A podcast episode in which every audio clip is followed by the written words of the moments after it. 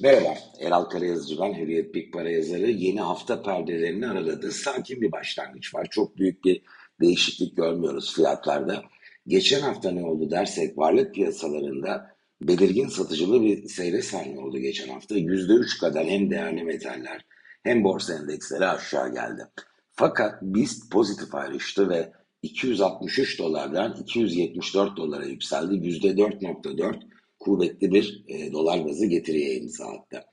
Dolar bazı değeri deyince e, borsanın yeni yatırımcıların zaman zaman kafası karışıyor. Bunda eski sektör çalışanlarının işte endekse e, 3 dolar, 2,5 dolar gibi yanlış olan o sıfırların atılmasını yansıtmayan e, ifadelerle ortaya koymaları, değerlendirmeleri bunda en büyük etken dolar bazı değeri borsa endeksinin TL bazı gördüğümüz değerin yani işte en son kapanış 7400 cari o an o günkü kura yani 27'ye bölünmesiyle elde ediliyor.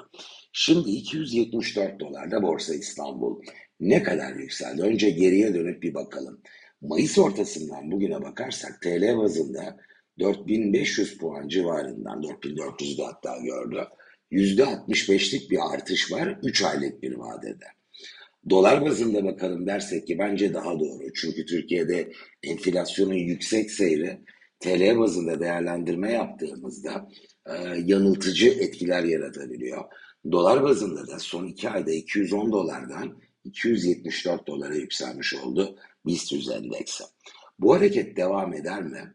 Bence bir süre daha devam etme ihtimali daha fazla.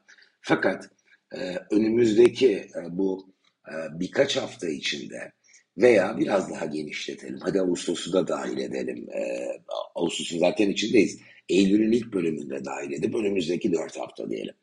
285-290 dolar bandına ulaşır veya çok yakın vadede bu banda yaklaşırsa 280'in biraz üzeri e, ben bir riskin devreye geleceğini düşünüyorum. O da nedir?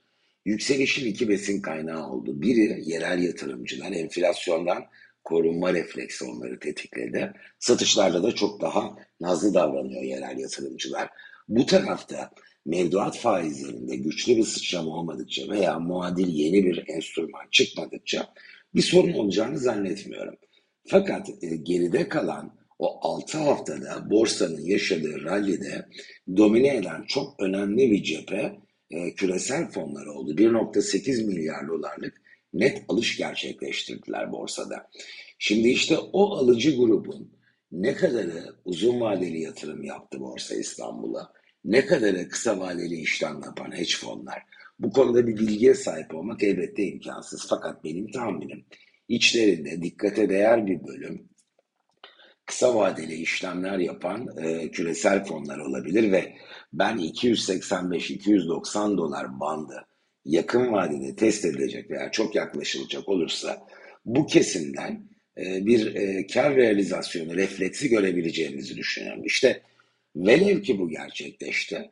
O noktada yerel yatırımcıların içinde çoğunluk olmamakla beraber dikkate değer paya sahip bir kesim var ki onlar da teknik analizi çok yoğun şekilde kullanan, belli destek seviyeleri aşağıya kırıldığında stop loss stratejisiyle e, döndü o zaman satayım deyip katalist olan yatırımcılar. İşte bu iki cephe bir araya geldiğinde ben borsada gördüğümüz geride kalan bu iki ayda yaşanan çok kuvvetli rallinin yerini önce kısıtlı bir aşağı yönlü e, harekete arkasından da bir yatay seyre bırakabileceğini düşünüyorum. Burada çok büyük bir düşüş, çok derin bir kayıp mı gerçekleşebilir bu risk ortaya çıkarsa? Hayır, e, ben bir süre bu e, yılın son çeyreğine kadar e, devam edebilir. Belki Kasım'a kadar uzayabilir. 260 dolarla, şu an zaten 274'te, 285 dolar arasında bir yatay seyrin 2-3 ay bizde hakim olabileceği böyle bir iklim değişikliğiyle karşılaşmamızın mümkün olduğunu düşünüyorum. Fakat kalıcı değil çünkü e, bu yılın 325 dolar civarında tamamlanma ihtimali bence geçerliliğini koruyor BIST özelinde. Çünkü yılın son çeyreğinde ben yurt dışı borsalarda e, yukarı yönlü hareketin daha belirginleşip kuvvetlenebileceğini düşünüyorum. Bunun da BIST'e net katkısı olacaktır. 2024'ün ikinci çeyreği içinde ise BIST'in 375 doları test etme şansı var ki var olan seviyeden yukarıya doğru baktığımızda dolar bazında bu %30'a yakın bir performans anlamına gelir önümüzdeki kabaca 9 ay içinde. Fakat o 375 doların 2024 ikinci çeyrekte görülme olasılığı bu yılın kapanışının veya önümüzdeki yılın başlangıcının 325 dolarda olması senaryosuyla kıyaslandığında gerçekleşmeme riski biraz daha fazla. Yani o biraz daha belirsiz çünkü bu noktada lokal faktörler özellikle TL cinsi enstrümanlar gibi ekonomiyi yavaşlatabilecek bir takım tedbirlerin ne ölçüde uygulanıp uygulanmayacağı gibi şu an senaryo üretmenin güç olduğu bir noktadayız. Sonuç derseniz ben güncel şartların e, borsada e, yeni girişler adına yeterince çekici olmadığını düşünüyorum ve e, yakın vadede 285-290 dolar bandı test edilecek olursa ki ihtimali bence bunun görece daha yüksek. Bir parça ağırlık azaltarak yatırımcıların ileride oluşabilecek fırsatlara e, kaynak yaratmalarının e, daha dengeli bir strateji olacağı görüşündeyim.